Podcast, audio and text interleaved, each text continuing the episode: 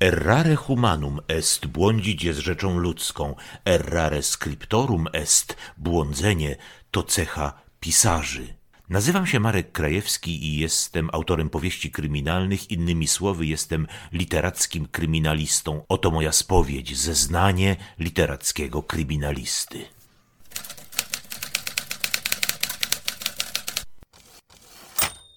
Dzisiejsza cyberaudycja nie ma charakteru wyznania win. Nie będę przyznawał się w niej do błędów, ani nie będę opowiadał Państwu o rafach, na jakie natrafiłem w czasie mojej literackiej pracy. Dzisiaj niejako wystawię się na ciosy.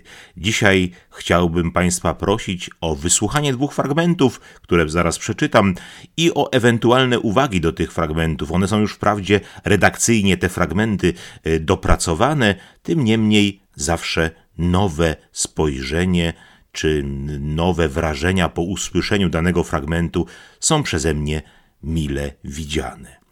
Akcja powieści Miasto Szpiegów rozgrywa się w dwóch głównych sceneriach, to jest sceneria, sceneria lwowska oraz sceneria gdańska, wolnego miasta Gdańska. Dlatego pierwszy fragment, który Państwu przeczytam, będzie fragmentem lwowskim z bardzo charakterystycznym obiektem tego wspaniałego naszego kresowego miasta z hotelem Żorża, Y, oraz drugi fragment to będzie fragment osadzony w Sopotach. Tak, w Sopotach, bo w liczbie mnogiej funkcjonowała nazwa dzisiejszego Sopotu. Y, Sopoty były częścią y, administracyjnego obszaru wolnego miasta Gdańska. Zaczynam zatem od fragmentu lwowskiego. Lwów, środa 12 września 1934 roku.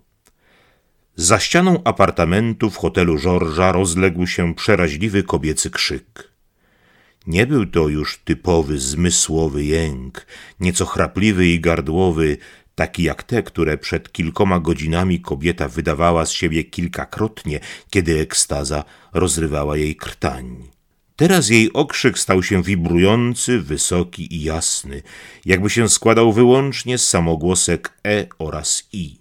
Uchodził bez przeszkód przez rozwarte usta i oznajmiał zgoła inne uczucia niż wcześniej. Był to teraz dźwięk zwierzęcego cierpienia, crescendo strachu.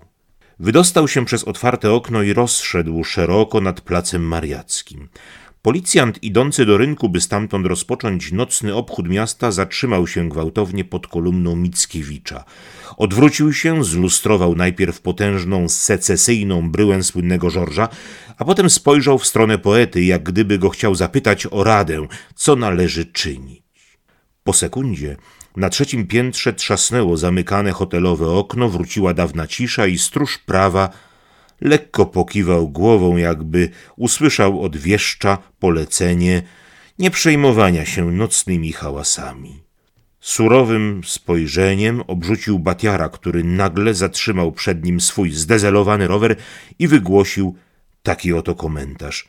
Ali tam chruma jakiś gościuniu, panie władza, aż dziunia pokrzykuje. Policjant w głębi ducha zgadzał się z takim rozpoznaniem. Lekkim ruchem dłoni pokazał nocnemu Markowi, aby zszedł mu z oczu, a sam, uroczystym gestem poprawiwszy pasek czapki pod brodą, udał się w stronę rynku, by dołączyć do czekającego tam na niego kolegi. Z opinią lwowskiego ulicznika nie zgodziłby się na pewno pan Izydor Zigman, wynajmujący numer w hotelu Żorża, na tymże trzecim piętrze, skąd dobiegł krzyk. Ten zamożny przemysłowiec, prezes podczęstochowskiej spółki akcyjnej manufaktury gnaszyńskiej, produkującej przędzę lnianą i konopną, był prawie pewien, że o ile wcześniej, owszem, pani za ścianą była w siódmym niebie, to teraz stępuje chyba do piekielnej otchłani. Nie ruszał się jednak z wyściełanego aksamitem fotela i wpatrywał z najwyższą uwagą w kwadratową, przezroczystą filiżankę, jakby ten świetny produkt nowoczesnego wzornictwa był kryształową kulą, w której odbijają się zdarzenia z za ściany. Bał się. Jeśli po sąsiedzku rzeczywiście rozgrywa się jakiś dramat okrucieństwa i przemocy, to owo zło może się zaraz rozlać i dotknąć jego samego, a on nie chciał się w nic mieszać, chciał tylko sprzedawać swoje produkty i zawierać na odbywających się właśnie targach wschodnich kontrakty ze słynnymi kresowymi producentami kilimów. Uznał, że najlepszym wyjściem z tej sytuacji będzie samo oszukiwanie się. Amantium ire integratio amoris, pomyślał, przypominając sobie jedną z łacińskich sentencji swary kochanków wzmocnieniem miłości. Pogłaskał pikowane klapy bążurki i pogładził zasłaniającą mu pół oblicza przezroczystą bindę, która przyciskała do policzków przyczernione szuwaksem wąsy. Dzięki niej ozdoba jego twarzy jest zawsze sprężysta i nienagannie podkręcona, a tak właśnie powinno być przez cały jutrzejszy dzień, gdy będzie witał klientów na swoim stoisku w pawilonie targowym. Zwiększył głośność radioaparatu nadającego audycję lwowskiej rozgłośni Polskiego Radia. Teraz, po zakończeniu koncertu życzeń z eteru, popłynęła pierwsza pieśń Schuberta z cyklu Podróż Zimowa w wykonaniu George'a Henschela, który sam sobie akompaniował na fortepianie. Przedsiębiorca podniósł do swych oczu krótkowidza miesięcznik Przegląd Lniarski i powrócił do przerwanej lektury artykułu pod tytułem Dlaczego musimy walczyć o własne surowce włókiennicze? I oto powstaje taki stan rzeczy, że w Polsce, kraju wybitnie rolniczym, miliony ludzi wegetuje i nie dojada, a jednocześnie Polska wywozi ze stratą za setki milionów żywności, aby móc sprowadzać potrzebne jej surowce włókiennicze, które by mogła przy możliwej dziś intensyfikacji swej gospodarki rolnej na pewno sama produkować. Nagle przerwał czytanie nudnego tekstu. Ściana oddzielająca pokoje zaczęła znów przewodzić złowrogie dźwięki, zduszony bulgot, głuche walenie, jakby kto trzepał dywan lub poduszkę. Do uszu Zigmana doleciał wyraźny, męski ryk i zduszony kobiecy jęk, żałosny i cichszy niż poprzednie. A co myślałaś? Spójrz na siebie, za taką łanie się niby uważasz, co? Mnie się nie porzuca, jak zużytą serwetę. A teraz ci zamknę mordę na amen, żebyś mi się tu nie darła. Tego już było za wiele. Pan Zygman zerwał się z fotela i ruszył ku wyjściu. Jego niepewne ruchy, wciąż blokowane wewnętrznym oporem, sprawiły, że potknął się o dywan i uderzył ramieniem o parawan z japońskimi pejzażami, który stał obok umywalki. Ten się zachwiał i runął na ziemię, mocno uderzając po drodze o kaflowy piec w kącie. Za ścianą zaległa cisza. Ale przedsiębiorca już się nie wahał, choć otworzywszy drzwi na korytarz, czuł zimny powiew strachu. Może powinienem jednak zbiec na dół, albo lepiej zadzwonić i powiedzieć wszystko recepcjoniście? Taka myśl przeszła mu przez głowę. Portier mógł być, jak wielu ludzi jego profesji, policyjnym agentem, a teraz przydałaby się szybka interwencja stróżów prawa. Potem Zigman już nie myślał. Działał. Załomotał w drzwi. Otworzyły się gwałtownie i stanął w nich mężczyzna w smokingu i zakrwawionej, podartej koszuli ze sztywnym kołnierzykiem, pod którym zwisała poszarpana, rozwiązana muszka. Widząc przybysza, wykonał szybki ruch ramieniem. Ten nie zdążył powiedzieć ni słowa. Poczuł, że jego broda eksploduje. Po policzkach, skroniach i czaszce rozeszły się jakby elektryczne fale. Padł na miękki, czerwony chodnik korytarza, tuż obok swoich trzewików, które mu starannie był dzisiaj odczyścił, hotelowy boj. Ostatnią rzeczą, jaką przemysłowiec widział w otwartych na oścież drzwiach pokoju, były kobiece stopy w jedwabnych pończochach ze szwem. Łydki wystające spod niebieskiej sukienki drgały i klaskały o parkiet w przedśmiertnych paroksyzmach. Ostatnie, co zarejestrował jego mózg, to błysk. Błysk przypomnienia. Przedsiębiorca poznał damskiego boksera, a może raczej damskiego mordercę. Ten nawet nie rzucił okiem na powalonego przez siebie mężczyznę. Runął w stronę schodów ciężkim kłusem ale nawet gdyby się przyjrzał uważnie interweniującemu sąsiadowi, nie rozpoznałby go. Binda opinająca twarz Zigmana całkiem zniekształciła jego rysy. Radio wciąż grało w pokoju obok, gdy jego lokator leżał bez życia i w swym omdleniu wdychał woń pasty do butów. Piękny, miękki baryton Henschela śpiewał Gute Nacht. Dobranoc. A teraz proszę Państwa o wysłuchanie fragmentu Sopockiego. Piękna, klasycystyczna willa Bergera w Sopotach przy Rickertstrasse 24, dzisiaj ulica Obrońców Westerplatte, miała niezwykłą historię. Mimo, że zbudował ją fabrykant Johann Immanuel Berger, który jak każdy zamożny mieszczanin uchodził za filistra, to jednak jego rezydencja szybko nabrała zgoła niefilisterskiego rozgłosu. Plotki mające zgodnie ze starą zasadą wiele wspólnego z prawdą zaczęły się rozchodzić jak fale, kiedy wrzucony kamień wzburzy gładką powierzchnię morza. Opowiadano sobie o masońskich rytuałach, które, a jakże, przyjmowały postać krwawych jatek zarumienione z podniecenia kumoszki na odległym targu rybnym pod basztą Łabędź szeptały sobie na ucho o alkoholowych i erotycznych orgiach godnych starożytnych bakchanaliów, a nieliczni spośród ludu, którzy bywali w willi jako inkasenci czy listonosze, dodawali nieprawdopodobne szczegóły, chcąc nabrać w oczach bliźnich ważności.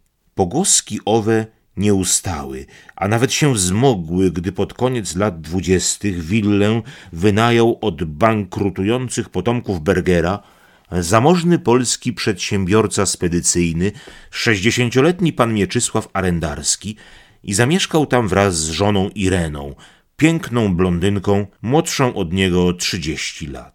Polak zdawał się odporny na kryzys gospodarczy rujnujący świat, a jego wyraźne finansowe sukcesy stojące w jaskrawym kontraście z biedą wokół oraz upadkiem innych firm stały się szybko obiektem zainteresowania zawistników. Lud doszukiwał się wpływu nieczystych sił na pomyślność obojga państwa arendarskich. Mówiono o satanistycznych rytuałach odprawianych willi i o cyrografach zamkniętych w ognioszczelnych sejfach, do których szyfrem były rozmaite kombinacje matematyczne liczby bestii, czyli 6, 6, 6. Gdańscy policjanci, a zwłaszcza ulokowani w niej agenci Abwery, odnosili się lekceważąco do okultystycznych tropów. Oni powodów zamożności arendarskiego szukali w jakimś bardziej realnym źródle, czyli w dotowaniu przez polską dwójkę. Nie znaleziono żadnych dowodów potwierdzających te przypuszczenia, lecz funkcjonariusze niemieckiego wywiadu nie spuszczali czujnych oczu z bogatego spedytora, zwłaszcza gdy uzyskali informację, iż firma pana Arendarskiego to nic innego jak prywatna agencja wywiadowcza. Od tego typu firm wywiadowczo-detektywistycznych i tych zarejestrowanych oficjalnie pod różnymi szyldami i tych działających nielegalnie, w Gdańsku aż się roiło. W mieście, które wciąż było obiektem sporu pomiędzy Polską a Niemcami i którego status nieustannie kwestionowano, panoszyli się prawie że jawnie rezydenci i polskiej dwójki i sowieckiego OGPU w sposób o wiele bardziej zawoalowany, z powodu zakazu traktatu wersalskiego działali tu także agenci Abwery. Wszyscy oni potrzebowali jednego informacji i za ten towar dobrze płacili. Bywały to na ogół wiadomości finansowe, gospodarcze, rzadko militarne. Te były najlepiej płatne. Deficyt informacji doskwierał wszystkim. Nic zatem dziwnego, że prywatne firmy wywiadowcze prześcigały się w ich zdobywaniu. Mieczysław Arendarski nie tylko je uzyskiwał, ale specjalizował się również w wymyślaniu metod ich zdobywania. Największym atutem jego firmy, dzięki któremu odstawił konkurencję na kilka długości, było sprzedawanie samych pomysłów, których naprawdę sporo podsuwał mu jego analityczny umysł, by potem je cyzelować. Zła sława owiewająca sopocką rezydencję arendarskiego w najmniejszym stopniu nie przeszkadzała jego interesantom spragnionym wywiadowczej wiedzy. Satanistyczna fama nie powstrzymała również pięciu mężczyzn, którzy w ten późny, wiosenny wieczór zamierzali złożyć państwu arendarskim niezapowiedzianą i niemiłą wizytę. Przyjechali oni dwoma Adlerami. Jeden z nich zatrzymał się przy Rickertstrasse pod żelaznym parkanem ogrodu, kilkanaście metrów od bramy prowadzącej z ulicy na podjazd, drugi stanął na jego tyłach, przy Benzelstrasse, dzisiaj Winieckiego. pod zadrzewionym wzgórkiem przeciętym u podnóża małym tunelem prowadzącym do posesji. Zakratowane wejście było zaopatrzone w solidną kłódkę na łańcuchu. Otwierano ją tylko w soboty, kiedy zajeżdżał tam furgon z rybami, mięsem, serami i butelkami wina. Tunelem od strony ogrodu wytaczano wtedy na ulicę dwa wózki, na które ładowano wszystkie zakupione produkty. Potem służba popychała je z powrotem w stronę rezydencji i zamykała kratę. Zaopatrzeniowcy nigdy ogrodu nie widzieli. Tego dnia było całkiem inaczej niż zwykle. Poniedziałek wielkanocny 17 kwietnia ex definitione nie był sobotą. Trzej mężczyźni, którzy wysiedli z Adlera, nie pracowali jako dostarczyciele żywności, a służba miała wolne. Łańcuch na kracie odpadł po uderzeniu pięścią. Mężczyźni weszli do tunelu i naciągnęli na twarz marynarskie golfy. Minionej nocy wszystkie sztaby, kłódki i łańcuchy zostały przez nich otwarte, a potem zamaskowane tak, by wyglądały na zamknięte. Wczoraj nie mogliby przeprowadzić swej akcji, bo dom był pełen ludzi, a dwaj kamerdynerzy, kierowca i dwie kucharki, bardzo zajęci. Dzisiaj natomiast nic im nie przeszkadzało. Do ogrodu trzej zamaskowani ludzie wbiegli w tym samym czasie, kiedy od frontu ich dwaj koledzy włamali się z hukiem do holu rezydencji. Tamci rozbili szklane wysokie drzwi ogrodowe i wbiegli na wysokie schody, skąd rozpierzchli się po pomieszczeniach na piętrze. Poszarpali przy tym bordowe pluszowe zasłony, które osłaniały wejście na schody i ciągnęły się w malowniczych udrapowaniach, podobne do trenu kobiecej sukni, aż do wyjścia do ogrodu. Ci na parterze zapalili światło w holu i wtargnęli do salonu. Pan Arendarski, siedzący tam przy kawie, cygarze i koniaku, drgnął, gdy usłyszał huk włamania i ujrzał, jak kwadratowe kolorowe szybki w drzwiach rozbłysły światłem z holu. Napastnicy działali bardzo szybko. Przedsiębiorca ledwo zdążył był wstać, kiedy ci już go dopadli. Dziękuję Państwu za uwagę.